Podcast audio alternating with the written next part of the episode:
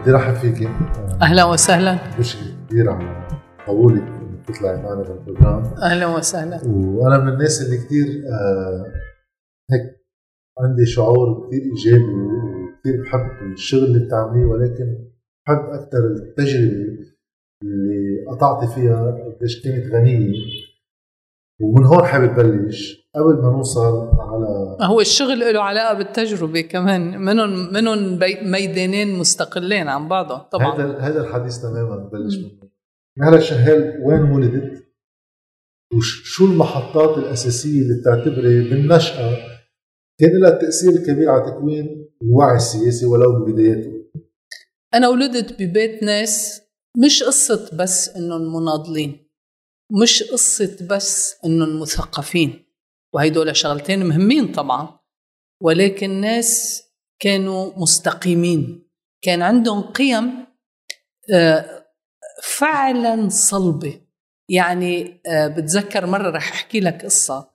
آه، بتذكر مرة على العشرة 12 هيك أنا تلميذة بعدني بالرهبات كان بالصف بكل صف عند الرهبات. طبعا الأغلبية كانوا مش مسلمات ولكن كان في مجموعة مسلمات. يعني ثلث الصف إسلام. بلشوا البنات يصوموا برمضان. نحن ما عنا صيام بالبيت. أنا أهلي يساريين شيوعيين نقديين خصوصا أبي كان شيوعي نقدي أمي شيوعية ستالينية بس. ماشي الحال. فقمت أنا جيت محتارة بأمري وكنت عم أقول له لأبي إنه ما بعرف شو لازم أعمل لأنه كل البنات صايمين ومستنكرين بشكل من الأشكال لأنه سألوني وقلت لهم أنا مش صايمة. بصوم بقول لهم إني صايمة. هيدا مثلا درس تأسيسي. قال لي إذا بدك تقولي إنك صايمة لازم تصومي. وإذا ما بدك تصومي ما بيصير تقولي إنك صايمة. وبتقولي أنا ما بصوم أنا كل واحد حر بقراره أنا ما بصوم. وبس بدون ما لا تعتبري حالك معك حق ولا تشعري إنه هن معهم حق أو إنه هن غلطانين. فاختاري آه، آه، الموقف تبعك بس ما بيصير إنك تعملي حالك صايمة وإنت مش صايمة. خلاص هيدا درس بيروح معك أنت وصغير طفل. آه، قبل بالضبط كان عمري عشر سنين عم بعطي أمثلة إيه. مشان الواحد يعرف شو يعني مستقيم. قبل أنا كنت عم بقرأ بعطلة الميلاد بعدني متذكرة كتاب الأم تبع ماكسيم جوركي وإجا ابي لقاني نايمة هيك على هالسجادة وعم بقرأ بهالكتاب اللي هو ضخم الرواية يعني وعم ببكي. تاثرا.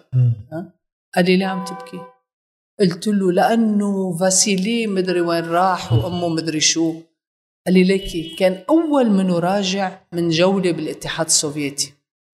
هو بعتهم وفد من هون الحزب الشيوعي اللبناني. قال لي ليكي بابا أنا كنت هونيك وشاف وقتها روسيا وتشيكيا وبلغاريا يعني عملوا جولة كبيرة. وأنا بس بدي أقول لك الناس مش سعداء. وأصل الفكرة إنه الواحد يعني أصل الفكرة الشيوعية خلينا نقول هي إسعاد البشر. مش بس إنهم يأكلوا ويشربوا ويعيشوا بطريقة بائسة ببيوت صغيرة وبدون حريات وما يكونوا سعداء. أنا عم أقول لك بس إنه هنيك البشر مش سعداء. كمان درس تأسيسي. أوف درس كمان آه، درس تأسيسي من واحد هو شيوعي إيه ومناضل ومناضل وعم يعطي من وقته آه، ومن جهده كثير لأفكاره. كيف فهمتيها بوقتها هالفكره لأنه هو لطفل بالنسبة له الأمور أبيض وأسود. إيه. هاي المنطقة الرمادية صعبة؟ ما هو تأسست المنطقة الرمادية شوي شوي قلت لك خصوصا بفضل أبي لأنه أمي كانت عم تأسس الصلابة. يعني أمي حدا discipline. discipline وبنفس الوقت قناعات ما بتقبل تخلي يتسلل لها الشك. أبي كان رجال عنده شك شايف؟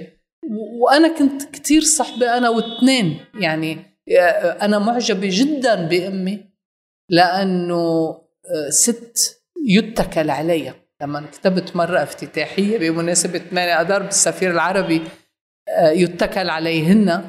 آه، الحقيقة كانت في عندي كتير نماذج نسائية بس أكثر نموذج كان موجود هو نموذج أمي. ست يتكل عليها أمي وصلت من العراق آه، مع دبلوم يمكن كانت ثالث محامية بالمنطقة العربية. هي أخذت دبلوم حقوق سنة 43 ببغداد من جامعة بغداد. وهي مناضلة وفاتت على حبوسة بالعراق وبعدين بسوريا لأنه إجت فترة على سوريا. وصلت على طرابلس زوجة أبي تعرفت عليه بالصدفة يعني بالحياة ها؟ وإجت على طرابلس آه، فقالوا لها شو شو سرايا؟ بتقول لهم بدي أنزل. مسجلة بنقابة المحامين بالعراق. أنا عندي كرتة محتفظه فيها بكرتة النقابي قالوا لها هون ما في بطرابلس ستات تفوت على السرايا. وبعدين قالوا لها المنطق الثاني إنه ليش بدك تشتغلي؟ ما انت مرت حكيم وهن برجوازيين تجار وملاك و... انت منك محتاجة تشتغلي. قالت لهم كيف يعني أنا؟ أنا لازم أشتغل. أنا إنسان كامل. بغض النظر إذا محتاج ولا ما محتاج. مهم ضلت تتفاوض إلى أن قالوا لك بدك تشتغلي. في في شيء وحيد فيك تعمليه هو إنك تعلمي. روحي علمي. آه كانت رفضت من النقابة يعني إنه ما فاتت؟ لا ما نقابة أهل زوجها. آه. آه. آه مش نقابة ما حاولت تفوت على النقابة. كانت الفكرة كتير بعيدة. بجيلها كان في طبيبة أو طبيبتين كان في دكتورة بندلي طبيبة. هيدا مقبول وعندها عيادتها الخاصة بس إنه بتفوت على السرايا مع الحراميه والقتلة والما بعرف شو. كان مش وارد. أنا لما كنت روح أعمل معاملاتي هلأ بالسرايا كانوا الناس يقولوا لي كيف بتروحي انت؟ أنا لبعتي حدا. إنه كيف يعني؟ ها؟ طيب. راحت تعلم مع إنه هي كانت بتكره التعليم وهي صحت لها فرص لأنه كانت جدا مميزة بالجامعة بالعراق حتى بالثانوية إنه تروح تعمل دراسة برا توصل بعدين إنها بترجع أستاذة جامعية ما قبلت لأنه ما بدها تعلم بدها تكون محامية. راحت علمت أمرها لله يعني. تفاجأت إنه ما في ثانوية رسمية للبنات. البنات كانوا بيوصلوا على البروفي خلص بالرسمي وخلص بنات البرجوازيات في مدارس خاصة. كان في الكلية الإسلامية للمسلمات يعني أغلبيتهم مسلمات آه، أو كان في مدارس الراهبات موجودة بطرابلس بس هيدول هي القليلة اللي فيهم يتف... المدرسة الرسمية بتوصل على البروفي وخلص فقالت لا أنا بدي أقبل بنات بالثانوية حتى بثانوية الصبيان. هي قبلت أول بنات انقبلوا ثلاث أربع بنات. بعدين صاروا زميلاتها بالتعليم بثانوية الصبيان. بعد شوي هي وزميلات لها عم يعلموا كانوا آه، بالثانوية وبالتكميله قالوا بدنا نأسس ثانويه للبنات. فأسست ساهمت بتأسيس الثانوية وضلت فيها لحد ما طلعت على التقاعد. بس هي ما كانت مجرد استاذة وكانت استاذة تاريخ اختارت هاي المادة مع إنه من عاملة ليسانس تاريخ. كانت ناظرة بعدين آه، بالثانوية بس كانت بتعرف كل بنت بتعرف شو قصتها. البنت اللي بتنقطع عن الدراسة بتلفن لها لأهلها بتقول لهم وينية فلانة؟ بيقولوا لها خطبناها. تروح بتزورهم بالبيت بتقول لهم شو يعني خطبتوها بنت بعدها بالبروفي أو مارس نضالها من موقعها المهني. إيه. كانت تعيط على البنات لما بيوصلوا على المدرسة مكيجات ولبسات آخر طرز تقول لهم أنتم جايين تدرسوا أنتم ما جايين تفتشوا عن عريس. بالطريق رايح راجع. آه، في بنت تعرضت لمشكلة كبيرة أنا كنت أصغر من إني افهمها الشغل يعني كنت صغيرة نسبيا. أه حبلت عملت علاقة مع حدا أو اغتصب حدا ما بعرف شو. ضلت أمي بكل بسكوت تناضل لحتى لقيت مين يقبل يطرحها. عم بحكي لك بأول الستينات أو بنص الستينات بطرابلس. هلا اليوم بعد قصة. أنا كيف بقى ضلت وراها وتقول ما تحكي مع حدا وما تحكي لحدا وحمتها حمتها شايف؟ ووصلتها إنه آه، تحل لها مشكلتها. أمي كانت مشان هيك مثلا بطرابلس كانوا يقولوا لي الناس اللي كانوا تلميذاتها أمك أو كانت كتير متطلبة كانت كتير صارمة بس كنا نحس إنها صرامة الأم. مم. مش صرامة مش قسوة شايف؟ وهيدا بحد ذاته يعني آه، بتكلفها بمهمة تعملها بطريقة آه، كأنه هي حياه وموت هو الفكرة إنه وقت حدا أنا بالنسبة لي وقت أشوف امرأة أم رجل بمجتمعنا وكثير محلات حتى بالعالم في نحطه بنفس الخانة كإنجاز ما بعتبر الفضل فضلين عند المرأة نتيجة شو عم بتمر بنضالات بديهية تتقدر توصل صحيح. لنفس التنافسية ولا توصل لهيدا الشيء بدها تقطع كتير حواجز مشان هيك الستات لما بيوصلوا لهيدا الشيء بيكونوا جدا متميزات وإلا بالطريق بي- بيسقطوا بالطريق شايف هيدي ظاهرة فيك تشوفها بالمنطقة العربية مثلا الستات المناضلات السعوديات. طيب آه، أوكي مشان طبعا كله لازم يكون أو أغلبيته حقيقة بيستفيد من جو عائلي ومن حماية عائليه وهيدا كتير مهم. هيدا مهم إنه نوعاه لأنه إذا كمان فوق كل شيء العيلة ضد بتصير المهمة شبه. مستحيل. مستحيلة شبه. مستحيلة. مش مستحيلة أنا بعرف ناس. حتى. آه، فأنا ربيت ببيت. أنا الفضل لإله بنسبة 90% بكل اللي بملكه. إذا بملك شيء اليوم من وعي ولا من إصرار ولا من قيم أنا متمسكة فيهم. فبيكون بالفعل بفضل أمي وأبي. وكنت حس أنا وحتى صغيرة إنه آه إنه أنا بمحل مميز. يعني أقدر قارن بدون وعي. بيني وبين بقية رفقاتي. آه، كان مثلا الكذب ممنوع. كان التشاوف أوه هلأ ما عادت حتى هيدي قيم يسارية. بالبيت ممنوع ما في ذاتية بالبيت. ما في. إنه شو ع شو شايف حالك؟ شو في؟ إنه عملت إنجاز شو وإذا. أه؟ فهيدا هيدي التربية الحقيقة هيدي هي التربية مش التربية مواعظ. أنا رح أفتح بس هيك هلالين بما خص الشيء اللي نحن فيه هلأ بتكون الوعي. بس تأربط باليوم شغلي سؤال في عندي شعور آه، وصار في احتكاك عملي مهني مع بعض الجمعيات النسوية. في بعد في شيء مش راكب بهال مش كلهم أكيد. ببعض الجمعيات النسوية. حتى بالفهم النسوي في عندي عم بيكون شعور إنه في محل في شيء كأنه مستورد. منه غلط بس أيامات المصايب أكبر. أيامات الحقيقة أبعد. ما بعرف أنت شو رأيك بالواقع النسوي؟ أنا ما بعرف كتير الجمعيات النسوية. شوف أنا فت على الحزب الشيوعي آه، أنا وعمري 15 سنة. تركت راهبات العزارية بطرابلس بعد البروفي دغري غصب عن أمي خصوصا. ورحت سجلت نفسي بثانويه البنات الرسمية لأنه بعرف إنه كان مشان اشتغل سياسة ما بقدر أكون بالراهبات مم. بالعزاريه وفت على الحزب الشيوعي وضليت أنا وياهم دقي وعصري. فعلا دقي وعصري. على كل شيء ما بسكت يعني شيء ما بيعجبني أنا ما عندي شيء اسمه إنه أنا لازم أحترم ما في شيء اسمه الحزب. شايف. ف آه، من جملة الأشياء عرضوا علي إنه أنا آه، بالأول كان بالعمل الطلابي. بعدين لما كبرت شوي إنه طيب تعي استلمي القطاع النسائي. قلت لهم لا. إجا أبي حاول يقنعني قال لي إذا أنت بتستلمي القطاع النسائي بتكوني عم تعملي شغلة رائعة لأنه هيدا مجال للشغل كتير. بس أنا ولا مرة استهواني هالشي. وعلى كل حال ضليت بالعمل الطلابي ونقلت منه للمسؤولية تركت الحزب الشيوعي. انطلاقا من التصنيف إنه أنا ليش بدي استلم شيء إيه إنه أنا لأني ست لازم استلم ستات ليش يعني؟ إنه بالأخير بس هيدا كان ساذج. يعني آه. أبي كان معه حق أنا كنت غلطانة لأنه هيدا كتير مهم. بس أنا الحقيقة ولا مرة قربت من إني أشتغل بالعمل النسوي يعني تح تعريفا. لما تركت الحزب الشيوعي وأسست مع غيري من جملتهم فواز ومحسن إبراهيم الله يرحمه واحمد بيضون اللي أنا معجبة فيه ووضاح شرارة يلي رغم كل أخلاقه الصعبة أنا معجبة فيه كمان. أنا كنت يعني الجيل الثاني مباشرة بس أنا من المؤسسين مم. شايف؟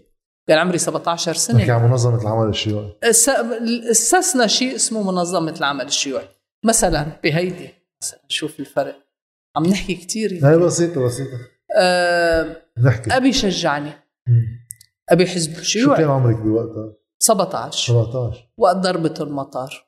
وقت ضربة المطار. بين ال 16 وال 17 يعني أنا لأني خلقاني بتشرين الثاني وراها بشوي صارت ضربة المطار. أول ما عمري 17 أبي قال لي مبلا معك حق. لازم تفتشي عن محاولات. أنا أنا موافق على إنه محاول إنه تنعمل محاولات لإيجاد إجابات فعلية على المشاكل.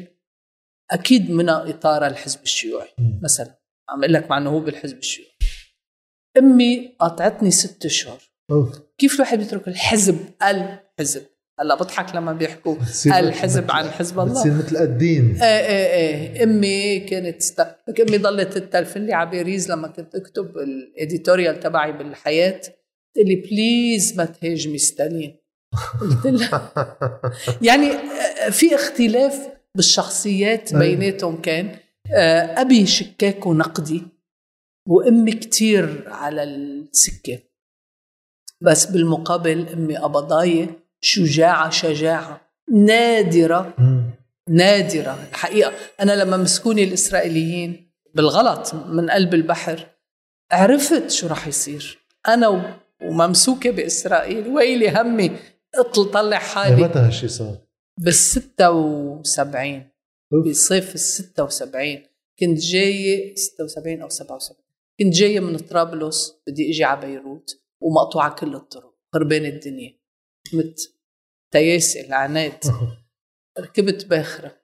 رحت على قبرص ومن قبرص ركبت باخرة تانية وجاية على صيدا. الباخرة التانية كانت عبارة عن شختورة صغيرة. بالطريق خلص من ال... انتزع الموتور وخلص البنزين و... و... وما عاد عنده بوصلة الزلمة وحالي بدي الله. كان على ظهرها للباخرة الصغيرة هاي. آه، 44 شاب جايين مستدعيهم الحزب الشيوعي معركة الجبل كانت أطباء عم يخلصوا اختصاصهم بالبلدان الاشتراكية اللبنانيين استدعاهم الحزب مشان معركة ال... فأنا وياهم وشاب رفيقي مات بمرض بعدين بأستراليا حرام علي صادق اسمه. آه فأنا كنت حاملة فرد أنا كنت أحمل فرد. كنا بالحرب الأهلية يعني. كنت تقاتلين ولا كنت لا لا فرد؟ كنت أحمل لصار فرد. مصر؟ أنا كنت مسؤولة عسكرية وسياسية بمنظمة العمل الشيوعي بالشمال هلأ إذا بدنا نحكي ما بعد بيخلص الحكي. فأنا كنت مسؤولة عسكرية و- ومسؤوله سياسيه كنت عضو مكتب سياسي بمنظمة العمل الشيوعي. واسمي على جريدة الحرية يعني مدير مسؤول. وعمري 23 سنة 24 سنة. إذا 77 25 سنة. أوكي. بهالضيعان هيدا طلعت أنا هيك كانت في صايرة معركة شكا وكان في شيء كتير بشع صاير. بالشمال أنا كتبت عنها لمعركة شكا المخجلة الحقيقة. لهلأ بعدها في كوابيس بتجيني بالليل عن معركة شكا وقديش كانت بشعة وبلا طعم. قال بدنا نخفف الحصار عن تل الزعتر. حاصل. ضاعت هالباخرة بالمي. منيح اللي كان شهر آب ما في عواصف ودنيا بعد شوي عم نطلع لقينا شط قدامنا. بالنسبة لإلي كان هيدا الشط هيدي رأس الشقعة وأنا من الميل الثاني من رأس الشقعة يعني عند ال- الإنعزاليين. إيه. بالنسبة للشباب يلي كانوا على ظهر الباخرة وأغلبيتهم من الجنوب كان هيدا رأس الناقورة. ونحن على الميل الثاني يعني عند إسرائيل. وفعلا كنا بقلب المياه الإقليمية الإسرائيلية. بعد شوي إجوا آه، بوارج وقالوا وقفوا. ونحن موقفين أصلا وضايعين وإنه أنتم بالمياه الإقليمية الإسرائيلية بالهوبرلورات. اولا أول رده فعل لأنه نحن ما نعتبرنا حالنا ممكن نكون عند الكتائب. أو القوات كتائب وقت اعتبرنا حالنا مقتولين كلنا? أنا صرت لهم للشباب أنا البنت الوحيدة بيناتهم. يا شباب يلي منكم بيطلع من هيدا الموضوع. يقول لأهلي إنه فعلا لا خفت ولا انزعجت ولا وأنا كنت معروفة وقت فعلا أنا أصبت بسكينة فظيعة. بمواجهة ما افترضته إنه الموت شيء قمت الفرد تبعي وهون شافني القبطان وخبيته تحت كومة حبال. أوكي قبل ما يوصلوا الإسرائيليين قبل ما نعرف إنه اسرائيلي لما قالوا أنتم نحن هون قوات الدفاع الإسرائيلي بالعربي عم يحكوا الأول إنجليزي وبعدين عربي كل ال 44 صرخوا هيك! شو هالمفارقة هيدي؟ منها مفارقة. عرفوا إنه هن بين إيدين إسرائيل ما حينقتلوا ما حيذبحوهم. إيه بس مفارقة واحد ينقتل من الناس ببلده بس بيروح عند عدوه بصير مشان هيك عداوة الأخوة بين بعضهم أبشع العداوات وأفظع العداوات. هداك عدو هداك كانت راس مالها للقصة. الشباب اعتبروا إنه مشي طلاب وراجعين عب هيك رح يقولوا الرواية تبعهم مش حيقولوا إحنا حزب شيوعي وجايين نقاتل أو جايين نطبب.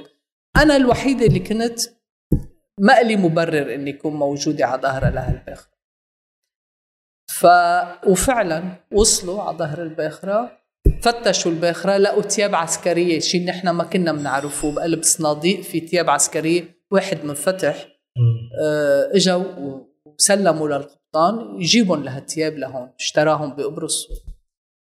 سألوه للقبطان لمين هيدول؟ قام قال لهم لهي البنت. لأنه القبطان طرابلسي قال لهم لهي البنت هيدي مسؤول عسكري.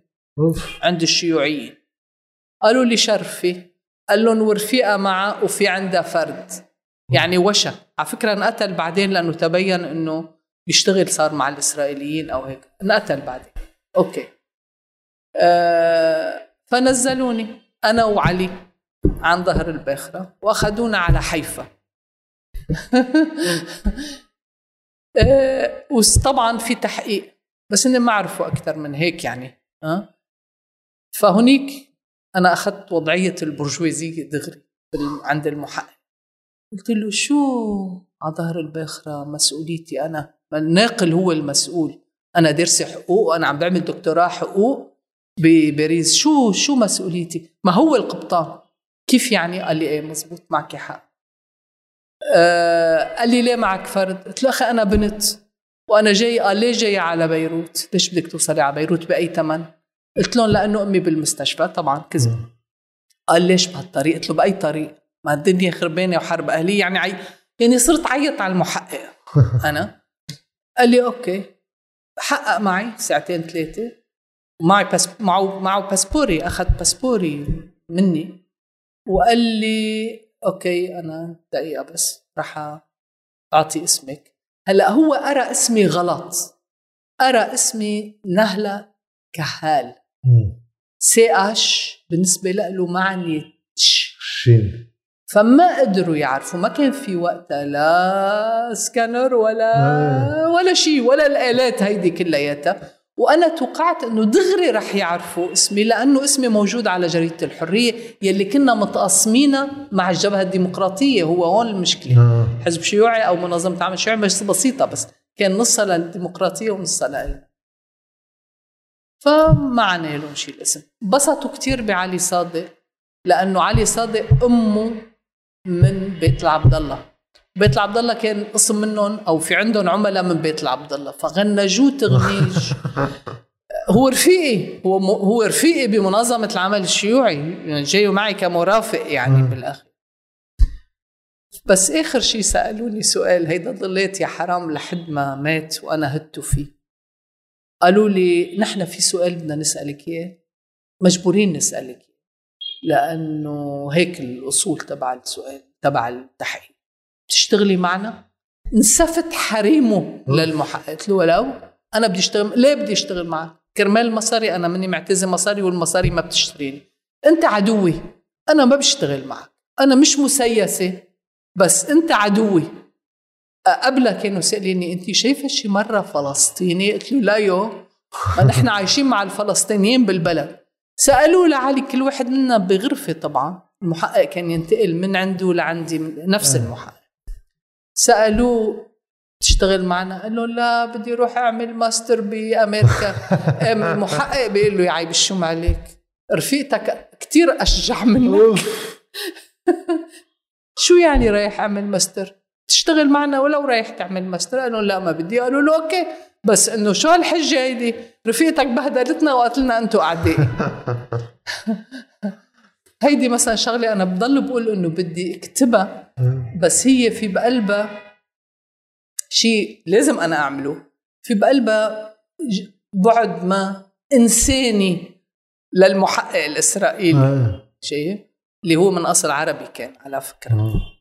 وبعدين وراها صارت معي حادثة تانية مع رئيس الشرطة اللي هو من أصل عراقي اللي اعتبرني بنته.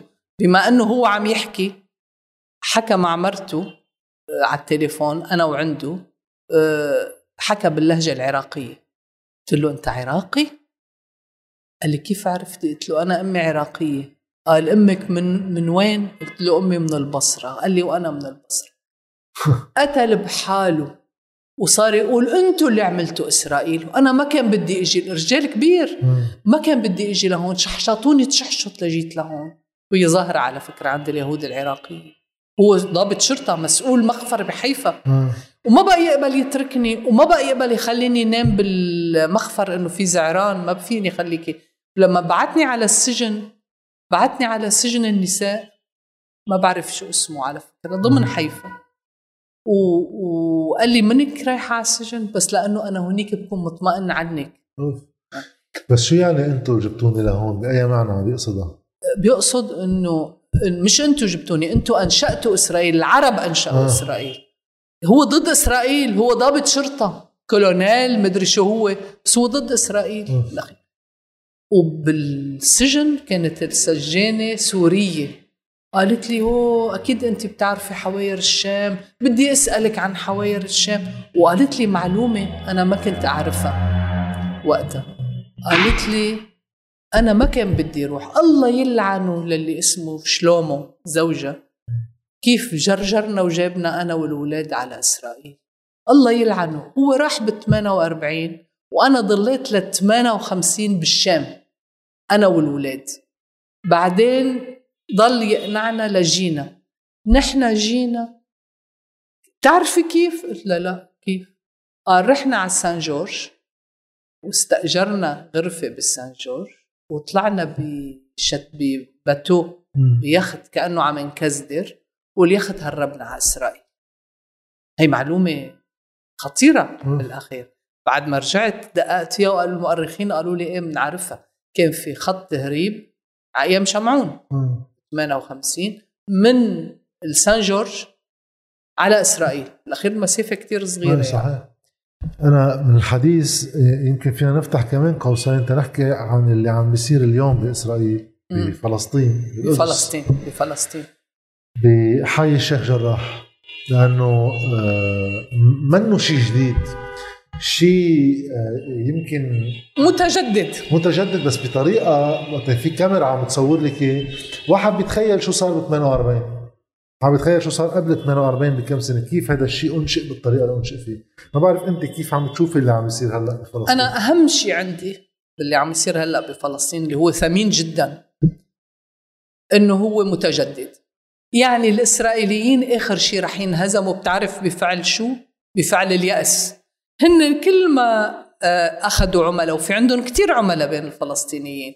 وكل ما أخذوا ناس مش بالضرورة عملاء وإنما يأسانين وبيقولوا خلص خلينا نحلها ونلاقي حلول ونعيش منيح. في فكرة إنه نعيش نستفيد بنقدر نعيش أولادنا بنقدر نكون جزء من هيدي خلصنا صراع. إيه آه، حتى لو صراع بس صراع محدود مش صراع وجود. وهن بيعتبروا حالهم ربحوا كل ما أخذوا هيدول. أو أخذوا العملاء كمان. عندهم كان عشرين ألف عميل بغزة. أوف. الإسرائيليين. يعني في كتير عملاء. بس أنا بعدين لما شفت هيدا الفيلم اللي عم أقول لك عنه كوليت بقلبه للفيلم عرفت إنه بس واحد بالمية من الفرنساوية قاوموا النازيين. واحد بالمية قاوموا النازيين. ورغم هيك يعتبر المجتمع الفرنسي بعملائه بالجبنائه بالوشات تبعه يعتبر مجتمع مقاوم قاوم النازيين. بفضل هالواحد بالمية يلي المؤرخين الفرنسيين بيقولوا إنهم قاوموا النازيين مشان هيك أنا اللي بيهمني اليوم من اللي صاير بالقدس وبالشيخ جراح وعندي كتير رفقة عندي ناس بيكتبوا بالسفير العربي من هنيك هن إنه كل ما اعتبروا إنه خلصوها للقصة بين القمع وبين التيئيس وبين الإفقار لأنه في إفقار حقيقي. والتيئيس تيئيس عنصر مادي تيئيس منه شغلة آه، هوائية. اليأس بيوصل لمحلات فظيعة. فهن كل ما اعتبروا إنه استتب لهم الأمر تنبق لهم من محل ما إنه لا وإنه هيدا الجيل الجديد دخل بالموضوع ومعتبر ويعرف نفسه كفلسطيني وبيعرف الأرض كأنها أرض فلسطينية. ما حيقدروا.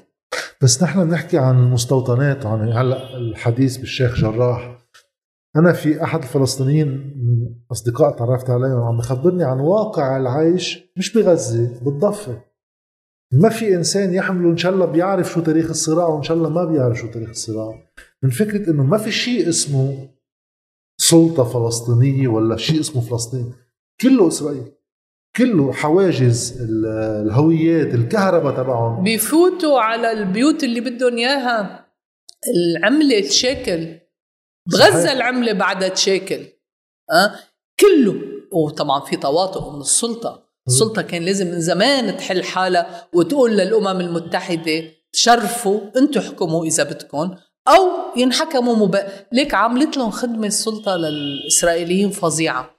انها اخذه كل الإدارة اليومية للحياة آه، لما بدها لما بدهم إسرائيل بيتركوهم لما ما بيعجبهم الإدارة بيتدخلوا. أخذت لهم مجانا عم تدر لهم الشعب الفلسطيني والمجتمع الفلسطيني. شو في خدمة أكبر من هيك؟ هن حققوا بهالطريقة هيدي الحلم تبعهم القديم كمان تبع الإدارة الذاتية. هن السلطة لهم والإدارة الذاتية أنتم شؤونكم. بس أنا اللي عم أقول لك إياه مش هيدا. أنا عم أقول لك إن هيدا هيدا بينضاف للعملاء إيه. ولليائسين ولاصحاب النظريات السخيفة تبع فينا نعيش معهم وفينا ندبر حالنا معهم وإلى آخره. وبيصيروا يلي برأيهم لا آه، بيصيروا أقلية شديدة أه؟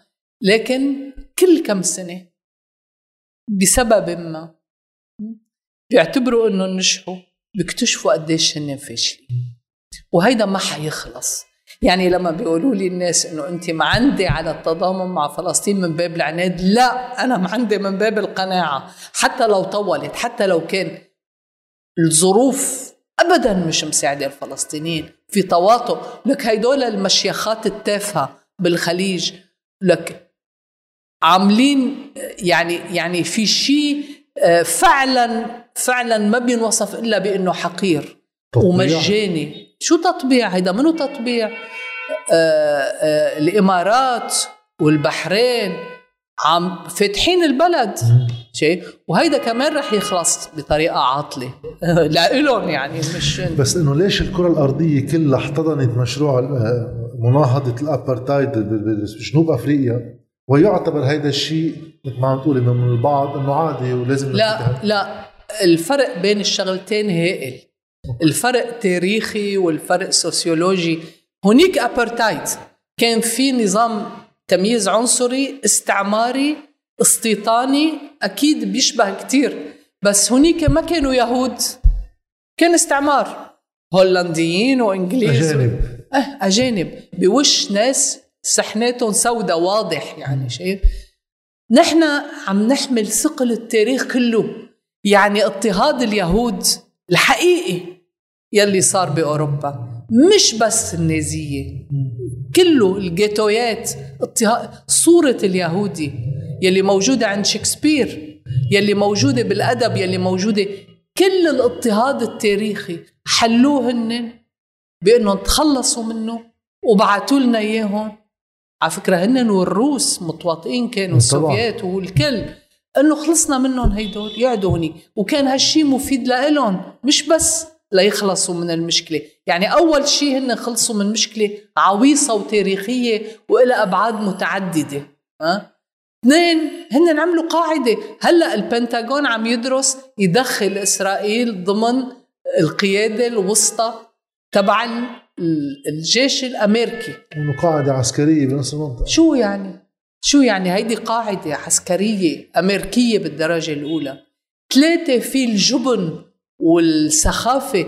الألمان مثلا لأنه هن اللي ارتكبوا المحارق النازية الحركة الألمانية حتى المؤيدة لفلسطين ما بتقدر تحكي لأنه عندهم إحساس الذنب الفظيع. ممنوع. فنحن عم نواجه شغلة اللي هي إسرائيل. آه، كيان متعدد الوظائف ومتعدد البنى بالأخير لما بيطلعوا يهود نحن نشرنا عنهم كثير بالسفير العربي نشرنا حلقات شهادات لإلهم.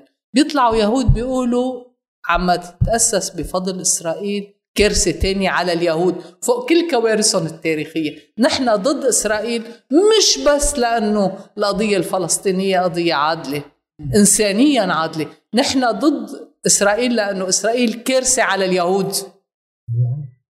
شايف؟ بيقولوا لهم أنتم آه، إسرائيليين بتخونوا عم أنتم يهود بتخونوا حالكم عم تخونوا حالكم. أنتم يهود خجلانين من يهوديتكم. وكل المحاولات اللي هي هلا أخطر شيء بالعالم لمزج آه، اليهودية بالصهيونية اللي هي هلا المعركة الكبرى بأوروبا وبأمريكا. كلياتها قائمة على أساس ينغلط ينخلط الموضوع شايف؟ ف شايف قديش نحن بين انتماء ديني طائفي لعقيدة سياسية لوظيفة. وظيفة. لوظيفة. لوظيفة. في وظيفة سياسية عسكرية لإسرائيل بالمنطقة. نحن منطقة غنية. نحن منطقة كثير قريبة على أوروبا. نحن منطقة فيها أعلى نسب مخزونات البترول. إن شاء الله يا ربي البترول ما بيعود له ولا قيمة حتى نخلص. آه نحن منطقة في آه في رغبة بشيطنتها في في في اللي بدك إياه. الفلسطينيين عم يواجهوا عدو لإلهم. هيدا العدو متمكن لأسباب عديدة مش بعد واحد بالموضوع. مشان هيك أنا مرات كتير كنت كتير نرفز لما صاروا يتباهوا شبيبة حزب الله بأنه هن قاوموا إسرائيل وهن أحسن من المقاومة الفلسطينية وشوفوا نحن شو عملنا هن شو قدروا يعملوا. لك أنتوا ليش نفس الشروط أنتوا ببلادكم وبلادكم كانت للحظة احتل اجزاء منها. وما كانت العالم يعني يعني البعد الفلسطين حرام. في شيء المقارنة حرام. المقارنة حرام بالاخير الفلسطينيين آه شو ما نقلنا شو ما نقلنا وفعلا هن مش ملائكة ولا كل الإسرائيليين شياطين ووحوش ها؟ بس الفلسطينيين آه، عم يواجهوا شيء أكبر منهم بكتير منهم ومن غيرهم. شايف؟ مشان هيك أنا بالأصل التضامن موقفي المتضامن منو متعلق لا ببعد لا قومي ولا إثني ولا ديني ولا شيء مشان هيك أنا عندي كتير أصدقاء يهود ضد الصهيونية بأوروبا يعني موجودين وموجودين بإسرائيل نفسها. هون بصير السؤال شو الموقف خاصة للبنانيين اللي عم بيشوفها؟ شو الموقف غير الديني؟ لأنه دائما بنسمع إنه بدنا نصلي بالأقصى ولا كذا أنا مش هيدا هو المنطلق تبع النضال عندي.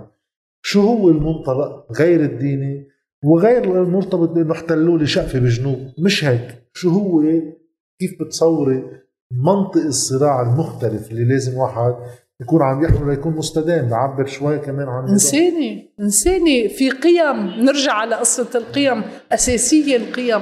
إنساني في ظلم في قيم في وظائف للاستعمار والاستيطان وفي وظائف للتحرر. علما إنه أنا صرت بعرف اليوم بعمري هيدا المتقدم إنه التحرر نفسه مش بالضرورة مساوي لتحرر متعدد الأبعاد. يعني ممكن نخلص ونتحرر ويطلع لنا بعد الآخر منظومة آه، سيئة. محلية. أنا بعرف بعرف إنه الشيء اللي تمسكنا فيه كتير. يعني أنا مثلا إنه البيت بعمل لك ببيت شيوعيين. أنا لما أبي قال لي نرجع هيدي القصة منهم سعداء الناس. كان بالنسبة لي في مقياس إضافي انضاف اللي هو السعادة البشرية يعني غاية ها مش بس الأكل والشرب. بعرف إنه ممكن أنا شفت مثلا فيلم حياة الآخرين ما بعرف إذا شايفه ألماني عن ستازي. رائع رائع. أه وكتبت عنه بالحياة. كنت أكتب. عن واحد مكلف بأنه يراقب ناس بألمانيا الشرقية هو ضابط مخابرات بالتالي بيسمعهم بيسمع شو بيناقشوا شو بيحكوا. نزعوه. كيف نزعوه. طيب. طيب. آه هو صراع صراع على شو الأحسن للبشر. من أجل الوصول للأحسن من أجل الوصول لحق حقوق حقوق لأنه منه حق واحد بالأخير. علما أنه هيدا الصراع أنا بعرف اليوم عم أقول لك بعمري أنه هو لا ينتهي. يعني مش إذا أنت أنجزت منه الشقفة الأساسية. خلصنا. خلصنا ما في خلصنا. هو صراع دائم. الإنسان بده يفوت بصراع دائم بهيدي الأرض لأنه بعدين ممكن يطلعوا لك المستغلين المحليين والمضطهدين المحليين والدليل. والدليل يعني عندنا بالبلد وقت صور لإلي أنا كنت صغير إنه بس يفلوا السوريين بيمشي الحال. بعدين بنكتشف إنه في شيء جوا كمان بيستدعي استكمال الصراع. ما الصراع لا يتوقف الحياة هي صراع. من أجل دائما الطموح إلى منظومة قيمية بالدرجة الأولى قناعات. القناعات كتير مهمة. آه مشان هيك أنا مثلا بكتب حتى أحيانا إذا ما فيك تعمل شيء على القليلة عبر عن قناعة ما تدعم موقف ما وناس ما ضد ناس تانيين. على القليلة على القليلة. لأنه هو توازن الكون توازن. شايف؟ من هذه النقطة رح أوصل شوي على لبنان حكيتي عن وظيفة إسرائيل. في وظيفة كرمالها في شيء عم يشتغل بمحاضرة كنا حكينا عنها لما نبلش تصوير آه، أنا كتير بحبها وموجودة على يوتيوب اللي بحب مع أشكال ألوان بال 2016 كنت مسجلة بطريقة سيئة جدا على فكرة. إيه بس أهم في شيء فيه ما بينسمع بينسمع؟ إيه رح أبعث لك في لينك كثير نضيف الصوت فيه. آه. آه صار في حديث عن لبنان إيه. ووظيفة لبنان. نعم. بتقولي ب 43 بالميثاق كان في تصور لوظيفة ما بتوزيع أنا بسميه دور. دور. آه. توزيع سلطة والثروة. وهن مرتبطين ببعض. حابب أسمع شوي عن هذا المسار بالمقارنة مع لبنان الطائف ولبنان اليوم. ثلاث أزمات أساسية. لبنان تأسس ونادرة هي البلدان يلي بتاخذ قرار بالفرنساوي اسمه ديليبري إرادي إرادي آه يعني عن سابق تصور وتصميم إيه لبنان تأسس على أساس الدور اللي ممكن يلعبه. لأسباب بيملكها لمميزات بيملكها البلد مش يعني مفتعلة. ما كان ممكن هالشي ينعمل بأي مكان كان. لأنه البلد عنده مميزات. بقدر عددهم بسرعة هيدي المميزات. تقدم تصور نضج تصور عن دور ما وظيفة ما ممكن يأديها هيدا البلد. بلد في أول شيء بلد صغير. فقابل للضبط مفهوم للإدارة. اثنين بلد في بقلبه توازن حقيقي بين الكتل السكانية تبعه. توازن طائفي توازن آه، أول شيء طوائف.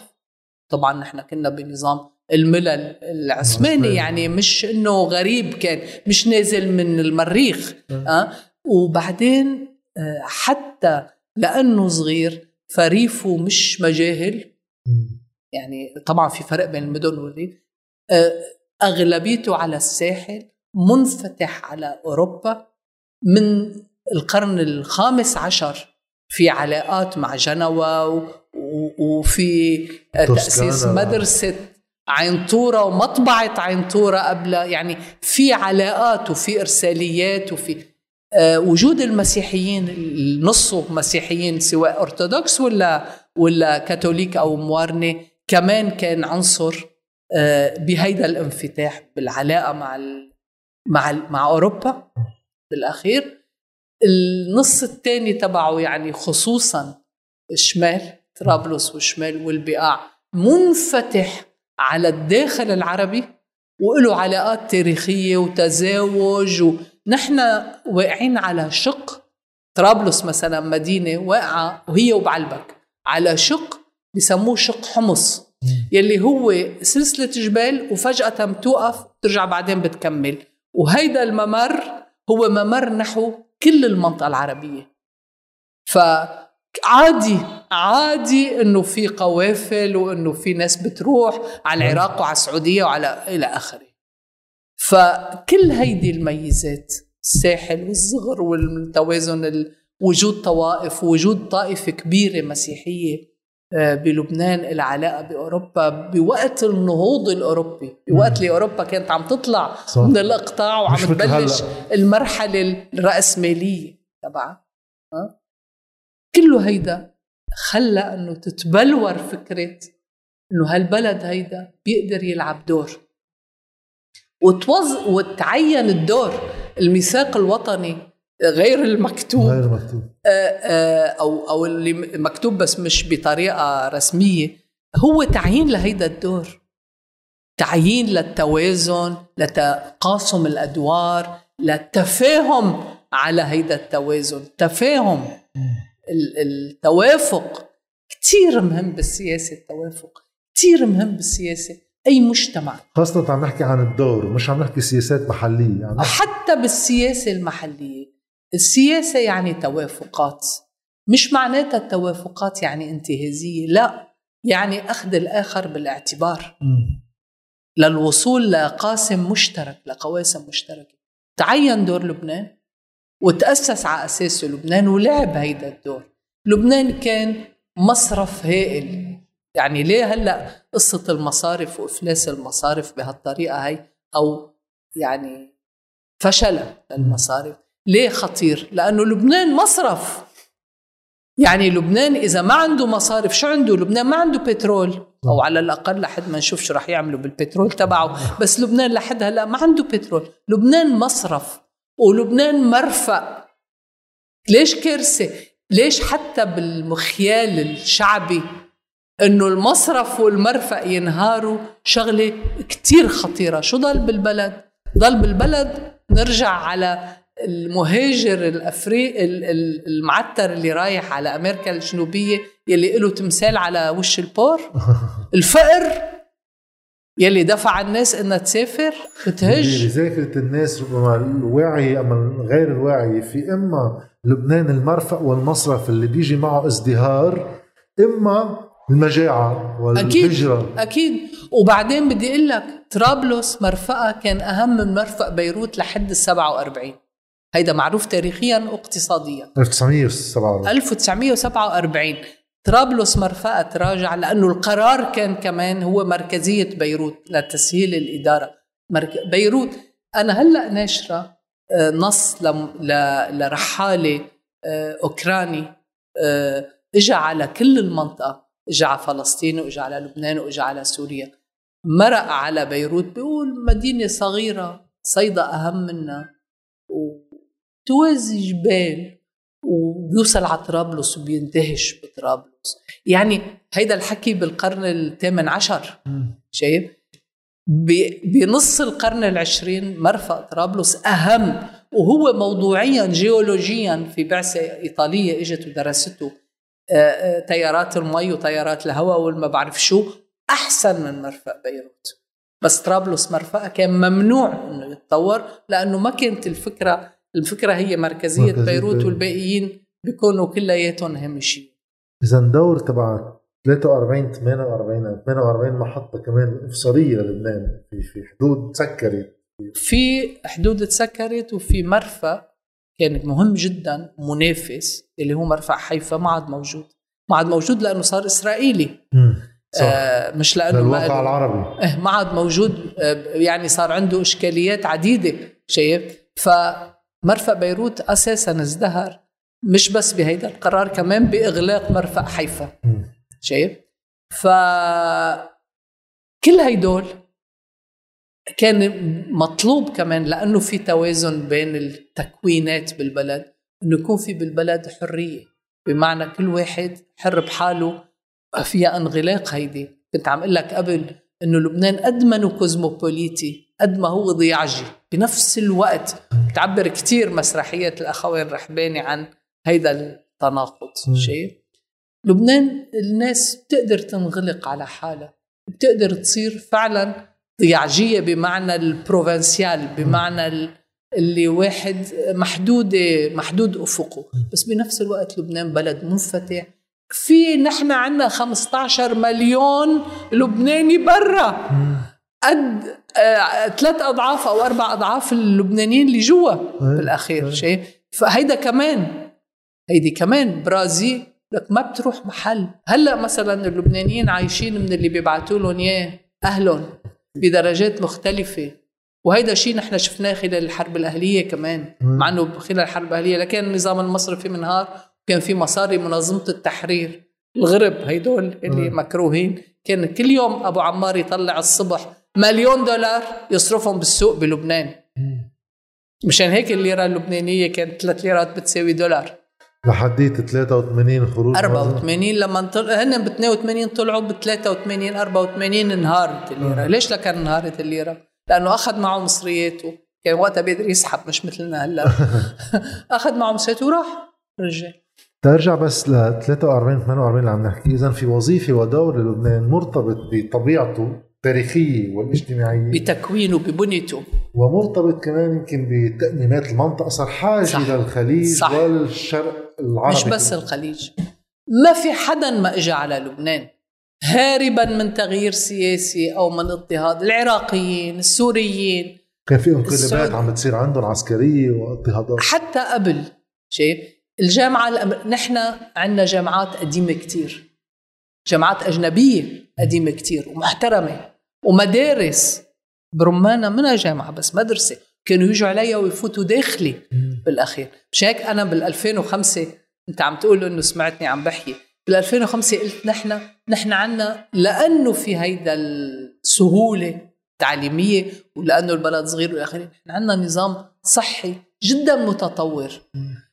طبيبي بفرنسا كان عم يقول لي خلي يعمل يعملوا لك مازلنك مسافرة في فحص بس ما بعرف إذا موجود بلبنان. اسمه BMP مدري شو ليشوف التخثر الدم مدري شو. كثير جديد بفرنسا كان. وصلت لهون عم بساله لطبيبي قال لي شو يعني مش موجود؟ نحن ما في شيء منه موجود عندنا ابدا. موجود ونص بدك بعمله بعمله. بس الفرق أنا بفرنسا كنت بعمله ببلاش لأنه عندي تأمين صحي هون بدي أدفع مبلغ وقدره. كان ممكن لما نخلص هيداك الدور تبع لبنان لأنه المنطقة تغيرت والعالم تغير. مش بس بسبب خلص هالدور بالحرب الحرب تراجع. الحرب كانت إعلان عن إنه خلص الدور. إعلان عن إنه خلص موضوعيا قبل ما يكون ذاتيا بفعل التراجع والدمار والتخريب وكلياته. موضوعيا ما بقى في حاجة كان الوضع تبع المنطقة بالأول. ما بقى في حاجة لحدا يجي يخبي مصاريه هون بالسريه المصرفية لحدا حتى يجي يكزدر. يعني دبي عاملة السبعه ودمتها. طيب إنه بدهم يجوا لهون على الكازينو وعلى المسابح ومدري شو ما بيروحوا على دبي وعم يروحوا على دبي. خلقوا بدائل. انخلقت هي بحكم شرم الشيخ واحدة بحكم الطبيعة بحكم التطور يعني بحكم مرور الزمن. شرم الشيخ تونس مين كان يخطر له؟ قلت لك هلأ دبي اللي على الموضة أه هلأ السعودية عندها مشاريع مشابهة. إيه نيوم. نيوم. أه ما بتزبط معهم للسعوديين بتعمل لهم اختلال داخلي. بس ماشي الحال. هدوليك لأنه مشيخات على خيمة على خيمة على على بير نفط. مم. مش مشكلة يعني ما في ما في مجتمع السعوديه مجتمع. حقيقي مم. حقيقي. بتخترقوا تيارات وبتخترقوا تصورات وإلى آخره. حاصل. ما عاد ما عادت الغرب ما عاد أوروبا. مم. كمان يعني كمان بال 75 الغرب مش أوروبا. أمريكا. طبعا. شايف؟ وهلأ ما عاد حتى أمريكا. هلأ النيو ليبراليه هي الصين. مش وحتى روسيا عم تحاول. باسم الحزب الشيوعي هذا باسم الحزب الشيوعي بسيطة هينة مش مهم. شايف؟ عم يعملوا شيء جديد بس إنه الدنيا عم تتغير. الدنيا عم تغير هيدا شيء موضوعي. وفوقها إحنا رحنا عملنا هون حرب ضلت 15 لو ما كانت ما بقى في حاجة للبنان كانت الحرب الأهلية ما دامت 15 سنة. كانوا مثل ب 58 بست أشهر لها حل ب 58 فاتت الدول العربية بكل تقلها والدول الغربية وقالوا لا لا بتروحوا على حلف بغداد يا كميل شمعون ولا بتعملوا وحدة مع سوريا يا يا إسلام. خلصنا. لبنان رجعت تكرست الصيغة يلي كانت بعدها قائمة لهيدا الدور. لبل أفضل فتراتها. فعلا وإجا فؤاد الشهاب وعمل تحسينات وعمل إصلاحات و... وإلى آخره كان لابد منا لحتى يمكن تجاوز الانفجار. بال 75 انفجرنا قالوا لنا انفجروا على مالكم. حاولت الأردن تاخذ جزء من دور لبنان حاولت سوريا تاخذ جزء. عملوا فنادق وطبعا بس ما بتزبط ل 100 سبب لأنه الأشياء مرتبطة ببعضها. أهم شيء هو إنه الواحد يقرأ فيلسوف عالم اجتماع فرنسي اسمه ادغار موران.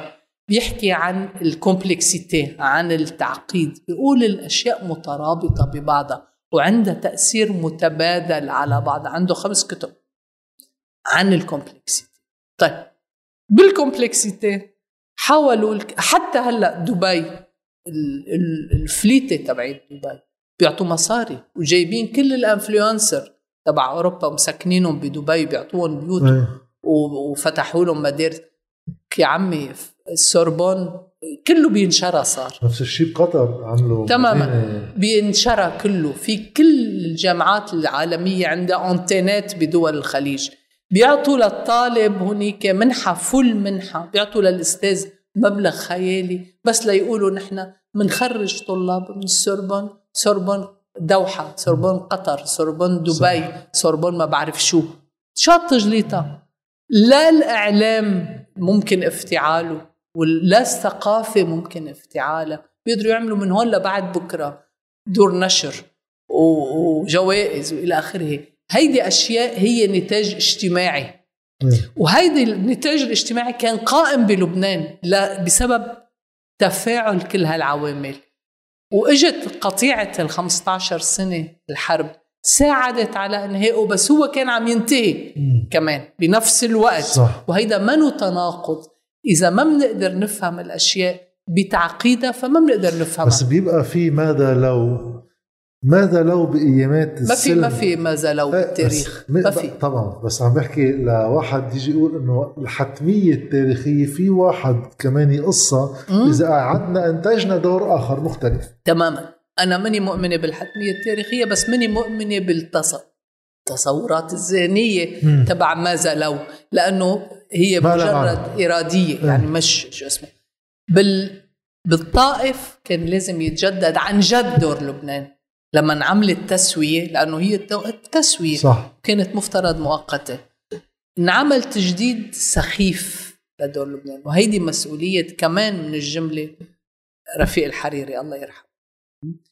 انعمل تجديد على أساس فرضية ما لها ولا أساس. ما لها ولا أساس لا مبلا وقتها كان لها أساس. مدريد وأوسلو. تماما. إنه في سلم بالمنطقة. ليش الأوتوسترادات؟ هيدا الأوتوستراد العربي يلي بيمرق بقلب طرابلس بيروح على سوريا بيروح على nowhere بسوريا شو يعني؟ على سوريا ولا الثاني اللي رايح على الجنوب وكمان رايح على nowhere هو تبع الجنوب الحلو بيخلص بطريقة هيك وبطرابلس كمان. بيخلص ما في شيء. إيش؟ آه واللي رايح على على كانوا عم يفترضوا بهالمشاريع سلام آتي عم نحضر له قبل ما يجي. نعم. وهو ما زبط هيدا الفشل. فصار الطرقات ما بتوصل لمحل. ليش عمل ال centre-ville قلب البلد؟ للبنانيين هيدا قلب البلد؟ و Hermès وال... والمحلات اللي سوبر غالية اللي ما في حدا بلبنان تقريبا بيقدر يشتري. بعدين اللبنانيين بيسافروا كثير لبرا. لما بده يشتري ليش بده يشتريها من لبنان؟ ما انعملت لنا ما انعمل وسط المدينة أعيد إعماره لحد للخليجيين. ولما الخليجيين قرروا إنه لا أنتم زعران وبدنا نقاطعكم بسهولة قدروا يقاطعونا كمان. ونهار هالركيزة هي يعني كل الفكرة تبعية الطائف كانت من جهة تسوية. تعرف أنت أنه الطائف نجح بعد 53 محاولة. اجتماعات وندوات وفيينا وجنيف وما بعرف شو كانت تفشل. بلحظة من اللحظات خلص. خلص الدور كمان تبع الحرب الأهلية. عملوا تسوية. بس عملوا تسوية مع تجديد لوظيفة لبنان كان وهمي هيدا التجديد. شخصيا وبتواضع جم لأني لاني اقتصادية و... و... وأنا بس مراقب سوسيولوجي وسياسي مهتم. كان ممكن يتجدد دور لبنان بميزات لبنان حتى وقتها يعني بركيزتين كبار اللي هن التعليم والصحة ومعهم السياحة لأنه نحن كتير شطار بالسياحة. نحن بنقدم شيء فعلا مميز ومعهم البنوك. بدون ما تكون هالمرة بالضرورة رساميل عم تهرب من بلدانا وتجي لهون وإنما خدمة بنكية مزبوطة. حد ذاتها هيدي. كان ممكن خصوصا التعليم والصحة اللي هن خدمة هائلة بالأخير آه، بكل مستوياتهم ومعهم الميزات الثانية المجربة. وهدوليك مجربين. بس كان هيدا الشيء ما بيجيب كتير مصاري. هيدا الشيء ما كان بينتج منه آلة بتنتج كتلة مصاري هائلة مثل الفساد والزعرنة اللي هلأ قائمين. شيء هلأ اللافت بالموضوع إنه انتهاء هذا الدور المفترض اللي ما كان ما انوجد بس كان تصور مستقبلي. صار بال 96 97 98 اغتيال رابين مجد نتنياهو مسار السلام فعليا بين تعطل. هو ما كان رح يمشي مسار السلام. إيه. يعني لو ما جرى طيب. اغتيال رب رابين ما بيزبط ما بيمشي. في شيء كان عم يعاكس كان في تركيبة بتنعمل. قبل فيها أبو عمار وقبلوا فيها الفصائل الفلسطينية. بس كانت بدها تنخزق من شي محل كمان. ورحيلك وين وصلت عم نحكي قبل شوي هلأ عن الوضع بفلسطين ولوين وصل هذا الشيء منه سلام. بنية الصهيونية فيها نسبة من العنصرية. والدليل أخذوا قرار بأنه بيهودية الدولة. أه؟ ما بيحسوا بأي تناقض. أه، بين ديمقراطيتها ويهوديتها. منا عم نعمل تسوية بجنوب أفريقيا اللي هي عندها مشاكلها كمان. يعني. لا لا نحن عم نعمل تسوية بمحل بنرجع من جديد. عنده ثقل تاريخي والحركة الصهيونية في حاضرة كحركة إيديولوجية وسياسية شيء فكانت لو ما لو ما جرى اغتيال رابين كنت ما رح بس استمرار وظيفة ما للسلم بلبنان استمر بالدين العام اللي صار عم يتفجر وقطاع مالي مصرفي يعني هون صار الرأسمالية مالية بحت بلبنان. شو اللي عم بيصير مؤخرا؟ في واحد يعدى من 2011 بداية ظهور هيك شوية تحركات غريبة مش طالعة من أحزاب. بعدين 2015 بعدين 2019 وفي جو بالبلد اجى الانهيار إنه في شيء مفتعل. كان في إحساس عند الناس إنه بعده ماشي الحال. بس كل يوم بيوم واللي هو هلأ نحن بنطبقه حرفيا كل يوم بيوم الواحد ما بيعرف بفيق على شو وقتها كان في شيء موجود وعم يشتغل وعايش بس مبين إنه فوفاش. هيك كان دائما في نق ما حدا مبسوط يعني. أه؟ هيدا انت ما ما ما طلع حدا بلبنان هيدا سؤال كتير كبير. ما طلع آه لا ميشيل شيحة آه ينظر لشيء جديد ولا حتى ريمو قدي ولا حتى آه كرامة. كعمي طلعت طبقة سياسية مناسبة لهالانحطاط. يعني هي طبقة سياسية شبه مقتلعة. ما عندها جذور ما بتستحي من شيء بالأخير. هيدوليك كلياتهم. برجوازيين وقطاع سياسي ويلعن أبوهم واللي بدك إياه. بس هدوليك مرتبطين بالمجتمع. هدوليك سياق بالأخير. صح. هيدول فطر عم ينبت على السطوح آه، محطوط له قطن أنا هون رح قبل ما نوصل على اليوم في شيء قلتيه كمان بوقتها عن المنبت الاجتماعي للزعامات اليوم. بعتقد باستثناء وليد جملات لأنه بيت جملات لهم امتداد شو تغير؟ لأنه إيه يعني في واحد يعمل لها الانتربريتيشن يعني هيك التفسير إنه وصل الفقراء إلى السلطة. أما حتى البعض يقول أبناء الأطراف.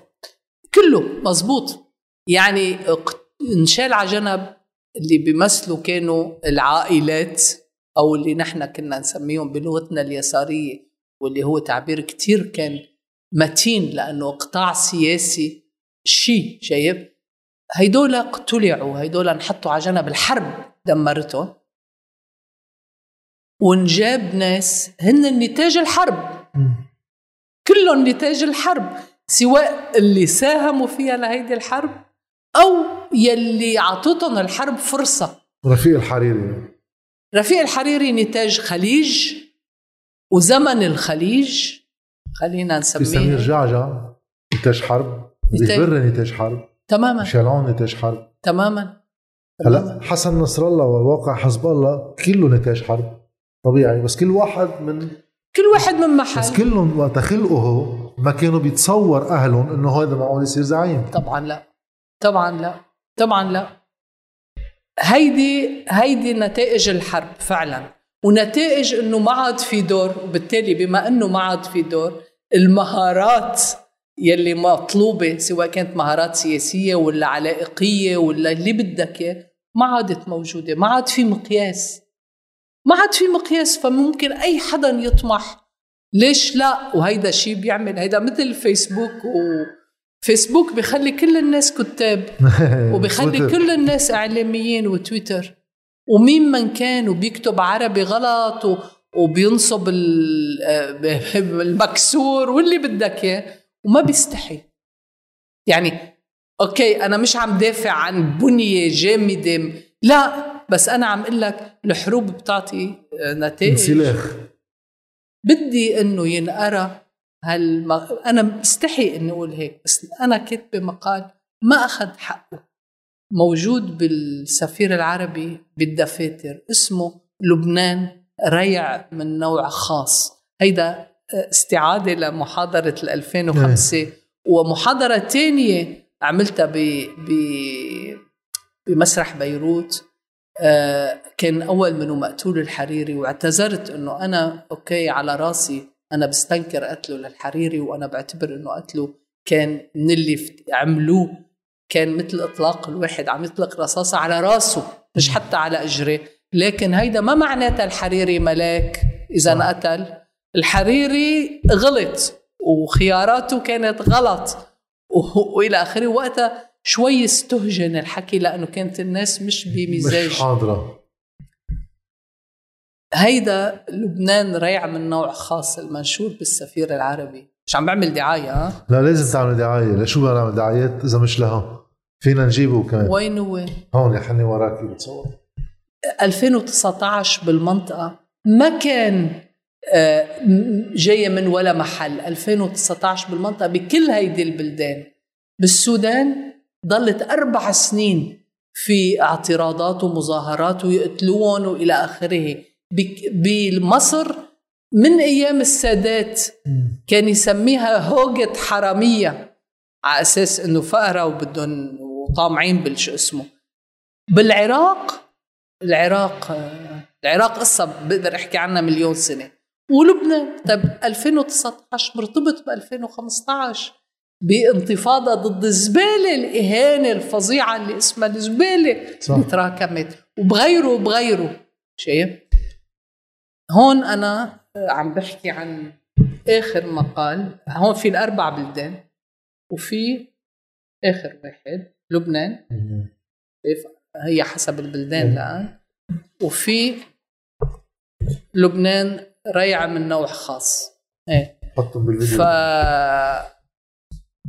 مش إنه شغلة فظيعة والله ما خلق غيرها لا محاولة مني لتفسير جدي مش مجرد تفسير إنه هيدول لصوص وحرامية وزعران وفاسدين وأموالهم بالخارج وتعال شوف شو عندهم بسويسرا باسم مرته وباسم ابنه وباسم ما بعرف شو. هيدا كله موجود بس هيدي مظاهر للمرض. هيدي علامات على المرض. بس المرض وين؟ فهمت علي؟ إيه. وبتوصيف المرض وين؟ إذا فينا نحكي عن هاي النقطة تنوصل اليوم هل ممكن اليوم بواقعنا إن شاء الله ما تقلي شو الحل. لا لا. قبل الحل هل ممكن اليوم محليا بقوى محلية إعادة إنتاج دور ما للبنان أم الأمر يتصل بشيء أبعد من لبنان؟ الشغلتين سوا كمان. متأسفة إني جاوب دائما أجوبة. تبدو ملتبسة بس هي مش ملتبسة هي مشبوكة ببعضها. نرجع مش أبيض وأسود الدنيا. إيه إيه. لا لبنان ولا غير لبنان. مثل ما ما في حل بفلسطين دور الفلسطينيين إنهم يصمدوا ويقاوموا. بس هو ما ممكن يتحرروا لوحدهم. مستحيل أه؟ كمان بلبنان. بينقص كتير بلبنان.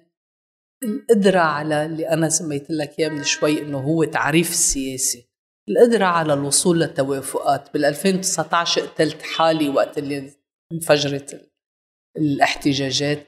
إنه يا جماعة ما رح أذكر مين هن الجماعة اللي طلبت منهم أنا كنت برا بالصدفة. إنه التقوا.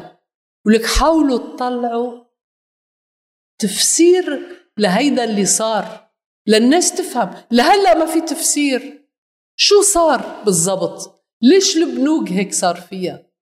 شايف؟ كل واحد كان بده يحكي لوحده على أساس كل واحد هو عنده الحل. كل واحد لازم هو يقطف ثمرة الاحتجاج. وهيدا العطب الأساسي كان. يمكن لو التقوا وتناقشوا يمكن ما كانوا صار شيء مختلف. بس على القليلة كانت بتصير محاولة. لأنه ال 43 لو ما التقوا كلهم هدوليك. يلي عملوا 43 ما كان صار شيء مش ميشيل شيحة آه، منظر لبنان هو اللي عمل هيدا الشيء ولا الزعماء يلي التقوا واحد منهم قال أنا وتبعوني وأنا اللي بعرف وغيري ما بيعرف. ما في هيك شيء. لما ممكن بلاد مأزومة بدها إنقاذ في محل ما لازم تنحط الإيد فيه على شو هو القاسم المشترك الديناميكي. مش قاسم مشترك ستاتيكي جامد أو ساكن هيدا ما صار عندي سؤال يمكن شوي هيك آه، معظم مركب كيف بده ينحل الوضع بلبنان؟ آه، آه، برأيي إنه ما في هلأ حل مع الأسف مع الأسف بس شو يعني ما في حل؟ استعادة تجربة سابقة وتمديدها ولا بنبقى بحالة انتقالية؟ بحالة لع قلب مثل ما هلأ صاير مع بؤس مع تراجع مع مع مع مرات أمل ومرات يأس مع ما في استقرار لأي حاجة إدارة إدارة الأزمة إدارة المأساة. حتى لأنه أنا ما بقدر سميها أزمة. عم أقول لك شيء الواحد ما كان يقوله قبل. آه قلت لها لهلا. قلت لها أنا مثلا ما كنت فكر بال 15 مليون اللي موجودين برا بالدياسبورا. ولا كان مرة بهمني شو يعني دياسبورا كان في مجتمع موجود وهدول كم فرطعين بالدنيا كلياتها وكل واحد بهمه بمشاكله بالى آخره. هلأ واحدة من الشغلات اللي بتدخل بالحساب هي الدياسبورا اللبنانية.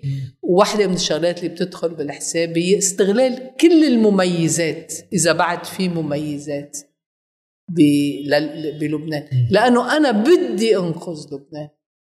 ما بدي ما بدي هيدا البلد يلي هو تجربته فريدة. على فكرة إنه آه، يتفكك أكثر ويتقسم أكثر ويتشرزم أكثر ويفوت بصراعات. طرابلس صارت مدينة كاوبوي. بالطريق العالم على على الموتورسيكلات واحد بيسحب فرده بقوص رفيقه اللي قبله. ما بنعرف ليش. آه، آه، البؤس والفقر وانعدام الأفق بيولد ظواهر مرعبة. مثل ما الانتفاضات بتعمل تسامي. ف بوضوح بهمني كتير. أنا اللي مفترض أني ثورية. أنا أدعو فعلا اليوم للبحث عن شو اللي ممكن يكون قواسم تجمع الناس وتحركهم. أنا ما بعرفها. ما بعرف هلأ إذا بتقلي شو هي بقول لك ما بعرف بس بعرف إنه هيدا هم لازم يكون عند الجميع. وإلا البلد من أهين ما يكون نحن بلد صغير مثل ما ممكن إنقاذه لأنه صغير ممكن كمان ينترك يتخ وما حدا يسال لأنه صغير. تأثيره صغير ومشاكل. شو ما عادت. بس في كلمة إنه بلد متروك في شعور بالترك. بكتير جوانب. إذا واحد بيطلع اليوم على طرابلس الشعور هو هذا شيء متروك. اذا بنطلع على السوريين اللي بلبنان في مليون مليون ونص زلمه مش كأنه حدا شايفهم ما كأنه عم بيصير شيء. لأنه النظام تبعهم طلع نظرية هي بالأصل نظرية استعمارية وبيقولها بكل وقاحة. بيقول سوريا النافعة وسوريا غير النافعة. بيقول اللي طلعوا من سوريا اللي هن نص الشعب السوري نص الشعب السوري. هيدي سوريا غير النافعة. واللي بقيوا هي سوريا النافعه اللي هو ليوتي. قال عن المغرب لما فاتوا الفرنسويه على المغرب كان عم يحكي عن الريف والمخزن. الريف هونيك مش بس الريف. الريف يعني المناطق الزراعية كلها. طبعا كان غلطان والدليل إنه هلأ عايشة المغرب على الزراعة وعلى الاكتفاء الغذائي وإلى آخره. بس ليوتي وقتها قال إنه في شيء اسمه المغرب النافع والمغرب غير نافع. وهيدي كانت نظرية استعمارية. بيعيدها بشار الأسد وبيقول ما بيهمني إنه يكون نص السوريين طلعوا من سوريا ما بدي إياهم خليهم برا. وهو شو بده متخلص منهم ومن عبئهم ومن كل شيء. في انحطاط يعني أنت قارن بين بشار الأسد وبين ابوه لك ابوه كان دموي وقاتل وكل اللي بدك إياه بس كان عنده قيم كمان كان مؤمن بشيء. هيدا شو؟ ونفس الشيء بالمنطقة كلها. شوف العراق. بلد الثقافة بلد يلي المثقف بالعراق قيمة عليا الثقافة. كله شعراء أنا اللي بكتبوا عندي بيبعث لي صحافي وشاعر سينمائي وشاعر مهندس وشاعر كلهم شعراء بلد شعر بلد بلد ثقافي الثقافة فعلا قيمة عليا. بلد كانوا مستعدين الشباب فيه والانتفاضة تبع 2019 ينقتل منهم 700 واحد 700 مقتولين 25 ألف جريح. من كتر الإصرار واليأس بنفس الوقت الإصرار وهيك إنه بتتساوى الحياة والموت. وين في شعر بعد بالعراق؟ وين في ثقافة؟ وين في أحلى رسامين أحلى اللي بدك إياه مسرح كله. سحق المجتمع. وهيدي هيدي بلدان كبيرة العراق 40 مليون سوريا 20 مليون. طيب العراق بلد متماسك سوريا بلد من اصله مفكك بس ماشي الحال يعني. شو لبنان قدامهم لهدول صح. مثل ما هن ولك اليمن. اليمن يلي في خطر إنه اللي بجنن بلد بجنن ما بيخطر لك قد إيه حلو اليمن. نحن قدام خطر كتير مهم إنه نوعى وما في منقذ. يعني واحد يجي من برا هيك يعني يلتزم البلد وينقذه. شايف؟ ما هيك؟ نحن محتاجين لمساعدة أكيد لمساعدات. معلش معلش. بلبنان تنقطع الكهرباء. بعرف بس أنتو. لا لا ماشي. آه. بس كمان في شيء داخلي لازم يكون يتبلور. إذا ما تبلور بيكون شيء كتير خطير. كنا حكينا عن العقبات. اللي بتوقف قدام الواقع اللبناني وتطوره. وحكيتي أبرزهم غياب الدور نتيجة تبدل عوامل محلية وعوامل إقليمية ودولية غيرت من موقع لبنان. وتطور هذا المسار. في شيء من العقبات كمان المحلية غير اللي انذكرت. اشرتي لها وقت عم تيجي تقولي بال 2015 وقت حكيتي عن المندسين. كان في وقت المندسين مسخرت على فكرة المندسين آه. قلت في شيء تعبير عن رفض الاندساس الاجتماعي أكثر مما هو رفض الاندساس الأمني. صحيح. في شيء كأنه بالمجتمع طبقي نظرة طبقية. صحيح. فينا نشوفها حتى بال 2019 ببداية التظاهرات أنا كنت عم غطي بالتلفزيون إذا بمشي من نبعه لميرنا الشلوحي اللي هو ما فيش 500 متر يمكن. في ناس متظاهرين هون. في ناس متظاهرين هون غير شيء تماما. قديش هيدا الواقع يحول دون القدرة على الجمع اللي كنت عم تحكي عنها؟ لواحد يقدر يخلق شيء اجتماعيا جانا لا هو آه، الانقسام الطبقي موجود بكل المجتمعات. واحتقار الطبقات الدنيا من قبل الطبقات العليا كمان موجود بكل المجتمعات. هيدا طبيعي. يعني بمعنى ما وكره الطبقات الدنيا للطبقات العليا واعتبار إنه هن متسلبطين عليهم وإلى آخره وإلى آخره كمان طبيعي. أنا ما عم بحكي عن تسوية بين الطبقات. أنا عم بحكي عن تسوية بين ناس مهمتهم يلاقوا حلول. بغض النظر ساعتها ما بيعود مهم هو من وين جاي ولما بيكون جاي من أي محل طبعا بيكون إضافة ل لوعيه الأصلي يلي بتعلق من وين هو جاي بيكون حامل وعي آه، مطوره مشان يكون عم يقدر يلعب هيدا الدور. أنا ما عم أحكي عن تسوية بالمجتمع. المجتمع بعدين بيقبلها للتسوية إذا معقولة ومطابقة لمصالحه وبتعبر بس هون سؤالي أنا قديش في إمكانية واحد هون صعوبة البلد يمكن يشترح خطاب في عنا الانقسامات الطبقية بالبلد في عنا انقسامات مناطقية حتى بين أهل السنة. ليش وين ما في. طيب بس أنا عم بيجي أقول إذا واحد شو في بالبلد خطاب بيقدر يجمع وليس الخطاب الطائفي وليس الخطاب الطبقي. الخيارات بتضيق يعني هيدا قصة صعوبة البلد. يعني اليوم سنة طرابلس غير سنة صيدا غير سنة بيروت. غير إذا ناخد طبقيا بنزيد عليها انقسام وكيف واحد واعي على مخاوفه بالبلد بعد 40 50 60 سنة من المخاوف الطائفية كيف بنقدر نجمع الناس يا جاد لما انعمل 43 يعني ما كان في هالاعتبارات كلياتها كانت موجودة م. التسوية اللي انعملت آه وقتها آه ب 43 كانت أخذة بعين الاعتبار والناس مش بالضرورة تقبلها بمعنى تعتبرها آه ممتازة؟ بس بتعتبرها بتشتغل بتعتبرها شغالة بتعتبرها ممكن تأدي غرض شيء ما في مجتمع ما في ولا مجتمع متجانس. هيدا ما له وجود.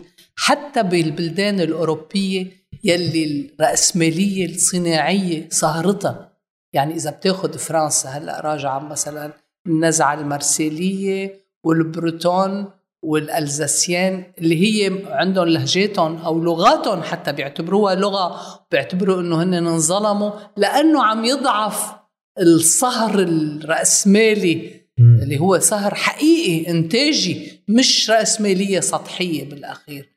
ما في محل بالعالم ما في ابدا. إسبانيا عم ينتفوا بعضهم مثل ما انك شايف. هيدا بده يعيش الواحد معه. يعني مش هيدا الهم. الهم تلاقي الصيغة يلي بتفيد البلد وبتخليه يشتغل يمشي يشتغل مش بالمعنى. إيه. يمشي يدور هالموتور يدور. بس في هون نظرية. مش بلبنان مش أعقد من غيره على إيه فكرة. مش أعقد من أمريكا اللي هي بتصور. ولا أعقد من اليمن.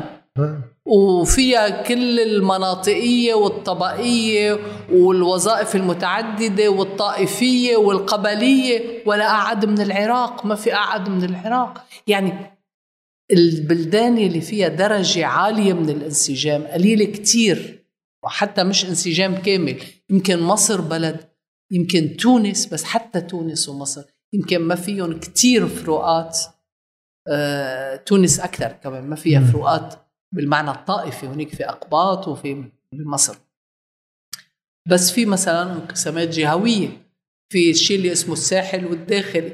ما في محل يعني في درجات من التعقيد. ليس أكثرها تعقيدا لبنان. نختم آه، كنت بلشت الحديث من المنطلقات تبع آه، بدايات آه، تشكل الوعي من العائلة. اليوم بواقع البلد كمالة العائلة وولادك هل هن بالبلد هل هن برات البلد. قديش بتحسي إنه أزمة لبنان؟ منا أزمة لبنان هي أزمة شخصية. بيقدر الواحد يعيشها كل يوم هو هيك؟ آه، في وحدة بالبلد عايشة بالبلد بتشتغل بالبلد وهي فنانة هي سينمائية بنفس الوقت رسامة هي اللي رسمة بعض اللوحات ب وعندها ولد عم تربيه بالبلد كمان. مصرة تبقى هون؟ آه، ولهلا على الأقل. وعندها مقياس حاطته إنه طالما ما في عنف مسلح ودموي ما بتتحمل. هي. مش مثل امها وستها تحملوا هالشيء آه هي بتضل. إذا صار القصة س- قتال وص- وصواريخ وقنابل وقذائف ورصاص ما بتقدر تضل. تانية خلقت وربيت برا. وبتجي على طول تعرف عربي لكن مشروعها الحياتي الشخصي آه، وفرات كمان ما كان مشروعها الشخصي بس فرات التقت بزوجها و- اسمها فرات لأن اسمها فرات والتانية اسمها عدن على اسم الجنة. آه، التانية عايشة برا. وبعتقد عم تخطط لتعيش برا بس أنا كمان اكتشفت إنه الإنسان ما بيقدر يخطط لشيء عن جد. يعني أنا ولا مرة تركت أنا تركت لبنان سنة 92 لأنه طفشوني المخابرات السورية بطرابلس. بس أنا عشت كل الحرب الأهلية وضليت بالبلد لحد 92 ب 92 صار مستحيل. ضل لأنه صرت خايفة كان صار عندي فرات صرت خايفة على إنه شي يوم يقوصوني أنا وفرات مثلا بالسيارة. مش هيك بطلت أخذها معي بالسيارة. بطلت أنزل دور السيارة إذا هي معي. أنزل دور السيارة إذا حاطين لي بومبا تنفجر فيني. ليش بتنفجر فيها؟ كل هيدا أثر على فرات بعتقد عملها إنسان سلمي فوق العادة. يعني ما شفت أنا حدا بالعالم سلمي قد فرات وضد العنف حتى على المستوى الشخصي. بس أنا بدي أقول شيء أنا قلت لك عن تأثير أهلي اللي هو مهول والبيت. والجو والقيم اللي نقلت مش بالوعظ وإنما بالممارسة. آه، بدي أحكي قصة صغيرة عن أنا وصغيرة أبي طبيب طبيب أمراض صدرية وكانت وقتها الأمراض الصدرية بعدها خطيرة بطفولتي يعني صح كانوا قضوا على السن بس كان هو طبيب وكان طبيب مميز جدا. مرة جينا لقينا بالبيت ألعاب بس من اللي ما موجودة بالمحلات. في شركة أدوية بمناسبة رأس السنة أو الميلاد جابت لنا ألعاب حطتهم بالبيت. هديته لأبي ألعاب. فتحوا له أمي فتحت الباب وحطوا هالألعاب وراحوا تركوا كارت. اجى أبي قال شو هيدا؟ بعدني متذكرة لهلأ سيارة كبيرة. نحن كنا يعني سنتين وثلاثة أنا وأختي. سيارة كبيرة وحصان بهز. هيدول هلأ صاروا شائعين بس وقتها ما كان في حدا. عنده فأمي عطته الكرت قال لها هيدي شركة دواء جابت لي هدايا؟ قالت له إيه ما, ما بعرف. قال لها لا.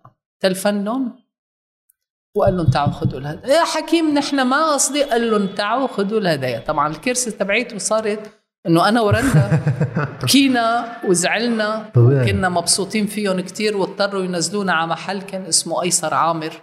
طرابلس. آه واشتروا لنا شيء بيوازي يعني يرضينا بالأخير.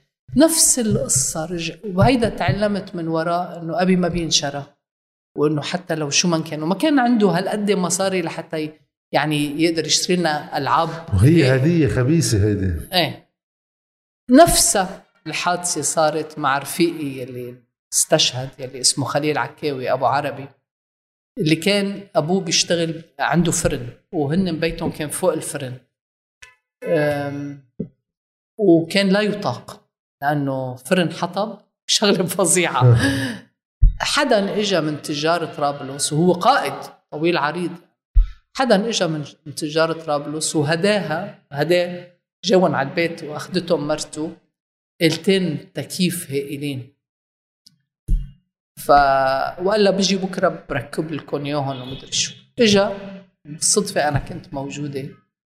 قال شو هيدول؟ قالت له فلان الفلاني جابهم قال لها شو؟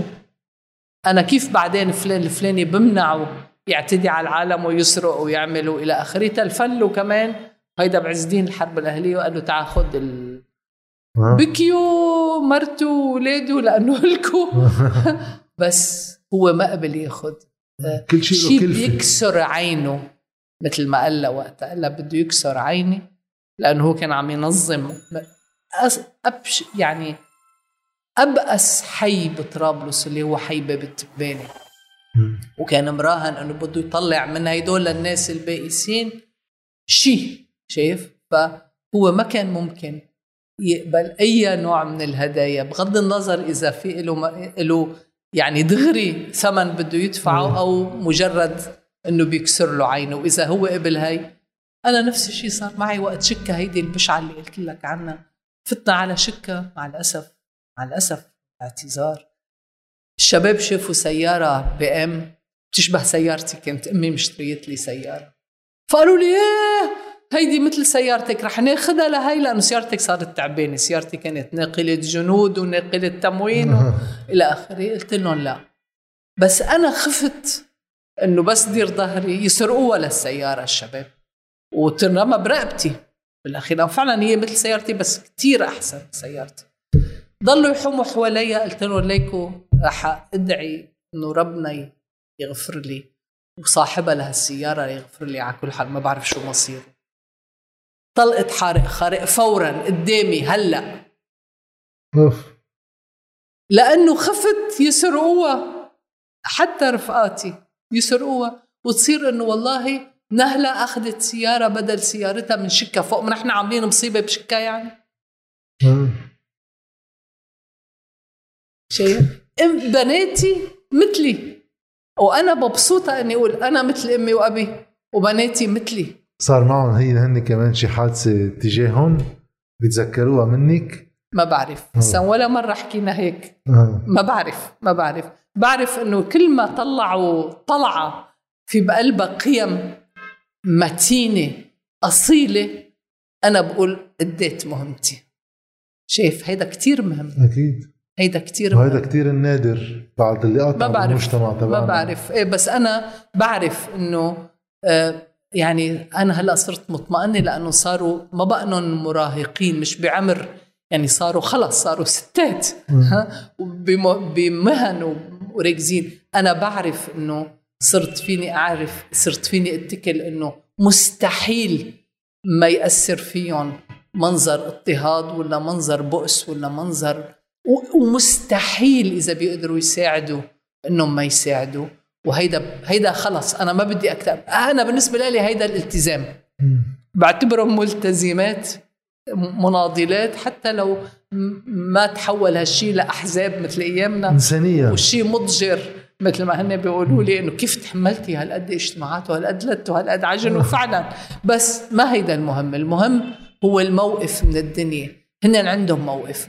وما بي ما بيرعبني إلا الناس يلي بيتمسخروا على أصحاب الموقف ويلي بيعتبروا إنه كل هيدا بلا طعمه وكل هيدا. يعني عرفت يلي عندهم نوع من الاستسخاف للموقف يلي ممكن يكون الإنسان بياخده بهذا أكيد هو بخوفوا لما ما في واحد يعني يأمنهم يعني هو اللي ما عنده موقف عم بيسخر من اللي عنده موقف. كيف في واحد يتعاطى مع شيء صلب؟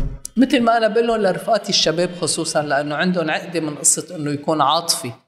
قل لهم أنا الشاب يلي مش عاطفي يلي ما بيتأثر اللي ما بيدمع عيونه قدام شيء مؤثر سواء كان مفرح ولا محزن أنا هيدا الشاب ما لي ولا ثقة فيه. لأنه هن بيعتبروا إنه الانفعال هو خاصية نسوية أو إيه. أنثوية. بقول له بيقول لي أنا مش عاطفي بقول له ليه؟ شو يعني منك عاطفي؟ كون عاطفي أكيد عاطفي ففي آه، كمان مفاهيم معينة. في في في شغلتين بعد بدي احكي فيهم على أساس كنا خلصنا بس هلأ من ورا حديثي.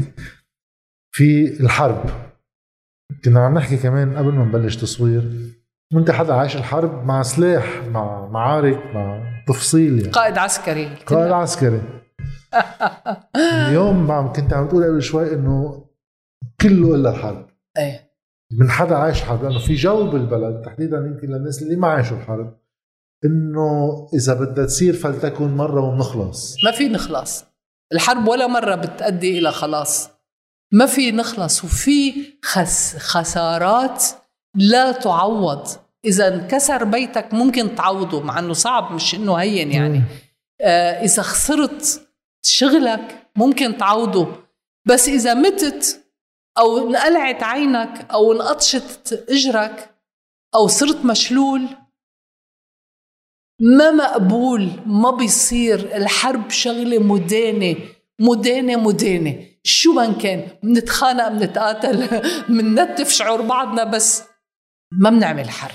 كيف تتعاملي مع أنت ب... لأنه عشتيها. يعني كيف تتعاملي مع نفسك؟ في عندك قبل شوي ندم عن معركة شكا يمكن. عن كتير شغلات عندي ندم على كتير شغلات بس معركه شكا لأنه كانت كانت آم، سذاجة آه، شخصيا انجريت لها في كتير سذاجات تانية ما انجريت لها كنا محاسبين عن جد رح نقدر نحتل شكا بطريقة أنيقة بدون ما نعمل ضحايا آه، مدنية. وهيدا بيسبب ضغط على القوات ليفكوا الحصار عن تل الزعتر. الصورة حلوة كتير. بس الواقع كان بشع كتير. وما قدرنا نعمل هيدا الشيء وعملنا ضحايا مدنية. وعملنا بشاعات. وبينا إنه بينا عن وحشية مثلنا مثل غيرنا. ومش عم بحكي أنا عن التنظيم اللي أنا كنت فيه. كنا كل الأحزاب والقوى الوطنية والمقاومة الفلسطينية والما بعرف شو كلتنا سوا. ومشان هيك عم أقول لك الحرب بما فيها هيدي المعارك على أساس قال نعمل توازن. شو بدنا ليش فايتين على محل ما خصنا فيه؟ يعني عرفت؟ السؤال الأخير ما فيني أحكي معك خصوصا إنه فتنا بمواضيع العائلة وصولا لليوم. وصولا نحكي- للعائلة. إيه، للعائلة. غير ما نحكي عن رندا شهر. إيه. آه، توفت من سنوات قليلة. آه، شو كانت علاقتك فيها؟ شو كانت علاقتك بأعمالها والمسار الإنساني؟ هي أصغر مني بسنة وأنا ما بتذكر حالي بلاها. هيدي كانت الفاجعة كأنه نحن توأم. سنة. رندا الشهال للي ما بيعرف مخرجة عندها أفلام عديدة. نعم. وفي دعوة للواحد يحضرها لأنه مختلفة. نعم. هي مختلفة عني كتير. هي بنت آه، مرحة آه، فنانة من هي وطفلة. أنا جدية تقيلة الدم شوي لم- من كتر ما جدية. آه، بلشت أعمل سياسي كتير بكير بلشت أقرأ كتير بكير. هي ما كانت بهالجو. بس هي مناضلة. بال 82 بالحرب إجت من باريس لهون تلميذة بالأخير. وإجت وقالت آه، شو؟ اجتياح إسرائيلي وأنا قاعدة برا. لا لا. اجت ونقلت سلاح ونقلت. آه، بسيارتها وهي شكلها أوروبي بالأخير. ونقلت وأمي على فكرة نقلتها سلاح بالعائلة. بس أختي آه، آه، استعملت هويات مزورة ووصلت أخبار ضد إسرائيل يعني مش إنه شو اسمه. رندا ميزتها امبارح كنت عم بحكي لعدن لبنتي الصغيرة عنها رندا ميزتها انها كانت عنيدة عناد فظيع. أحيانا كان هذا العناد يستفزني. لما كنا صغار كنت أضربها. إلى شايف؟ كان كان وعندها خيال كان أنا لما كنا صغار كمان كنت أضربها عليه لأنه كنت أعتبر إنها عم تكذب. يعني مثلا إذا شفنا شحاد نحن طالعين بالأوتوكار توصل هي على البيت بتصير بتحكي قصة الشحاد ماما بابا شفنا واحد طالع آه، إيده من بطنه. نحن واطفال يعني. وأنا كنت أقول شفنا شحاد بس لابس ثياب مخزقه فهي عندها خيال سينمائي من هي وطفلة. كانت تعمل مسرحيات بالبيت وإلى آخره. بنفس الوقت كانت عنيده لدرجة أبي كان مسماها دبانة الخيل. لأنه بتعرف دبانة الخيل؟ لأنه لما بدها شيء بتضل تلح تلح تلح تلح تلح. لا يصير. عليه. بالسينما عملت هيك. أول فيلم اللي هو فيلم تخرجها خطوة خطوة كانت ال- ال bobineات باستوديو بعلبك وعلقت الحرب الأهلية وبلش استوديو بعلبك ينحرق. إجتني مرة على المنظمة على مكتب المنظمة قالت لي بدي شباب بدي أروح على استوديو بعلبك. قلت لها شو استوديو بعلبك؟ خربانة الدنيا. قالت لي بدي أروح على استوديو بعلبك بتعطيني شبان يعرفوا المنطقة كان بها ما بتعطيني رح انزل تحت القصف بدي أجيب الأفلام تبعي من قلب استوديو بعلبك. قلت ليش رح تعرفي وين قالت لي إيه شفتهم حطوا ال bobineات كانت بالقبو ال bobineات كبيرة يعني. وبالفعل ضلت تلح إلى أن طلبت من شبان إذا بيقبلوا يروحوا معه. وفاتت على استوديو بعلبك كان قسم منه عم يحترق وأخذت ال bobineات تبعها ورجعت. لما بلش الحريري ينسف البنايات القديمة بال centre-ville على أساس بده يعمل ال... إعادة الأعمار. هي مصورة كل بناية انسفت وما بعرف وينن ال rushes أو بالحقيقة بعرف بس مش مستغلين ال rushes. إجا المصور مرة اللي كان معه كمان نسيت اسمه وقال لي أختك صو كل يوم تفيقني خمسة الصبح ونروح نصور كيف عم ينسفوا. البنايات وينزلوها. وثقت عملية لولا هيك لو ما هي عنيدة بهيدا الشكل ما كانت عملت ولا فيلم. آه، بنفس الوقت يلي بقول لك إنه يمكن أنا عندي نفس العناد بس على شغلات تانية بس بنفس الوقت الاجتهاد يعني في شيء اجتهاد. هي عناد عناد عناد. بدها إياهم من استوديو بعلبك يعني بدهم يجوا من استوديو بعلبك وجابتهم كان ممكن تنقتل. هي مش محاربة آه. بس كمان ما خافت إنها توصل لهونيك تحت القصف وتجيبهم شيء وأنا كنت أختلف أنا وياها أحيانا بالأفلام نفسها. قلت لك مثلا بمتحضرات أنا كان رأيي كل مسبات بنات عمي. ما لها لزوم مش هيك الواحد ببين شعبي. ها؟ بس إنه هي أصرت وحطتهم طبعا هيدا حقها بالأخير. فكنا نتناقش نتخانق بعدين ما عاد في ضرب بس بس نتخانق. بس أنا هي هي بقول لك إنه أنا ما تخيلت الدنيا بل ما لازم نحكي عن هيدا الشيء لأني بصير ببكي. أكيد ما بدي هيك تحكي أنا كثير بشكرك على كل وقتك و. اللي بعتز فيه أكثر إنه آه، بشخصك ما تمدحني لا أنا كتير بكره المديح. بس أنا مش مش مديح هو قد ما في بعرف شيء مش مديح كذابة مش ايبوكريت يعني. لا في شيء حلو إنه واحد بلبنان بيقدر يلاقي أشخاص تشبه لبنان اللي بده إياه. من ناحية المرأة المرأة مش لها الأدوار النمطية. طرابلس مش للصور النمطية. والفكر السياسي مش للأفكار النمطية فشكرا أنا ممنونتك. شكرا. على التقييم يعني. شكرا لك.